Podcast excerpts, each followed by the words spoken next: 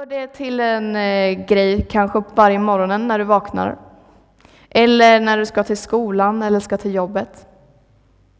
Be den bönen med hela tiden. Herre, här är jag, använd mig. Om du vågar så får du jättegärna ställa dig till förfogande genom att säga till mig eller någon annan, typ Henrik eller Anna. Jag skulle vilja vara med och hjälpa till här. Ja, och ibland, vissa av er kanske vet vad och andra kanske inte vet det. Men du som känner dig lite utmanad av att börja tänka de här banorna, dig utmanar jag att börja ja, ta ett steg i tro. Säg till någon av oss att, att du tänker på det bara. Jag tror att det är meningen att vi alla ska få använda våra gåvor. Och det finns plats för alla. Du kan vara Guds rike här och nu genom Guds ande. När du tar emot Gud så tar du emot hans ande som finns som en hjälpare hos dig hela tiden. Det är han som är med dig varje dag och det är han som hjälper dig. I Romarbrevet 14 och 17-19 står det så här. Att tillhöra Guds eget folk handlar ju inte om vad vi äter eller dricker, utan om att Guds helige Ande ska fylla oss med sin godhet, så att vi kan leva i frid och glädje med varandra. Om du tjänar Kristus med den inställningen glädjer du Gud och blir uppskattad av andra människor.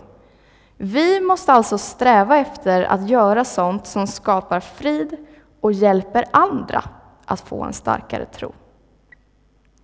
Om du vill vara med och skapa Guds rike, så följ hans ande som bor i dig. Han kommer tala, han kommer leda dig, han kommer skapa frid i ditt hjärta och han kommer att använda dig. Så att du kan hjälpa, ja, så att du får ett bra liv själv framför allt, men så att du får hjälpa andra, så att de får en starkare tro och hör om Jesus överhuvudtaget.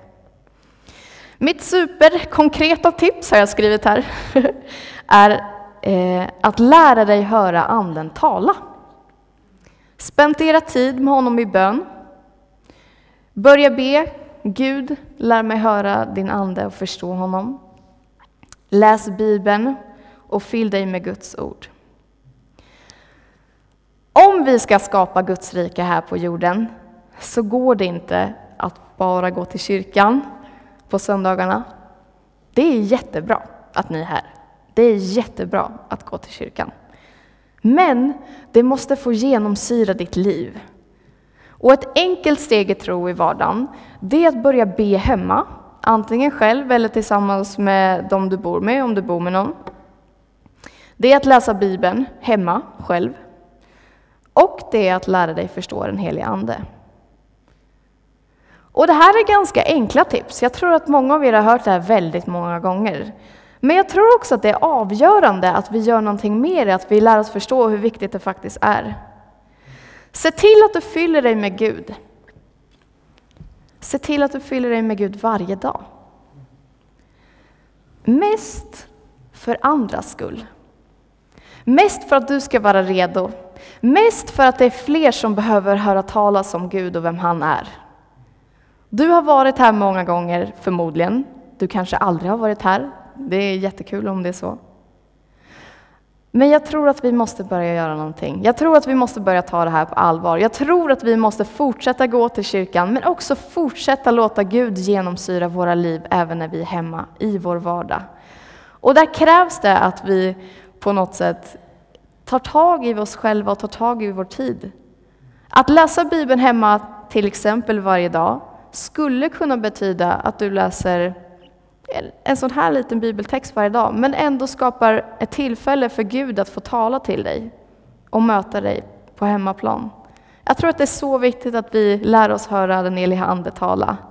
Tänk att vi ska kunna liksom höra från Gud och säga någonting uppmuntrande till andra som verkligen behöver det. Som aldrig kanske får höra Gud tala om inte vi hade varit där. Och därför är det så viktigt att vi håller koll på vad vi gör. Att vi fortsätter bara fylla oss med Gud. Du ska inte prestera någonting i dig själv, utan du ska prestera i Guds kraft. Och det är inte jobbigt, men du måste vara beredd. Du måste säga Herre, här är jag. Och så funderar jag, det kanske, kanske finns en liten skara här inne som fortfarande tänker så här, vad rör det mig? Nu kanske du tänker att det här låter jättefint, att det låter som en superbra plan för alla som är kristna, som har bestämt sig för att följa Gud. Men vad angår det mig? Varför skulle jag ändra hur jag lever? Och jag vet inte ens om Gud har gett mig några gåvor eller om han ens finns. Så ja, ja, tack för den här dagen. Jag får väl rulla vidare som vanligt. Om du tänker så, så tänker jag bara för det första säga att allt jag har sagt gäller dig. Jesus dog för din skull. Gud har gett dig gåvor och den helige Ande vill bo i ditt hjärta. I Ordspråksboken så står det så här 21 och 21. Den som försöker vara god, kärleksfull och vänlig mot andra finner livet, rättfärdigheten och äran. Jag vill finna livet. Jag vill finna rättfärdigheten. Jag vill ha ett liv som räknas. Ett liv som förändrar hur jag tänker, men också som får vara med och förändra andras. Jag vill leva ett liv där vi får bära varandra i glädje och sorg. Där vi får ha ett litet crew av människor runt omkring oss som verkligen delar livet på riktigt. Där Guds rike får vara det som vi eftersträvar, det som syns i hur vi tar hand om varandra. Det bästa är att vi inte försöka, behöver försöka prestera fram någonting i oss själva. Det vi behöver göra är att leva nära Gud. Och då kommer han, han har lovat oss en massa fantastiska saker, som att han ska fylla oss med frid, fylla oss med kärlek, både kärlek till dig men också kärlek till andra människor. Om du tycker att det är lite klurigt, så här, oh, hur ska man kunna ta hand om alla människor, jag tycker knappt om dem. Då kan Gud fylla dig med den kärleken.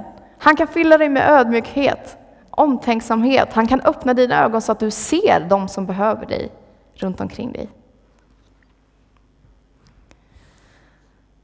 Så mina superenkla tips var att be hemma, läs Bibeln och lär dig höra den helige Ande.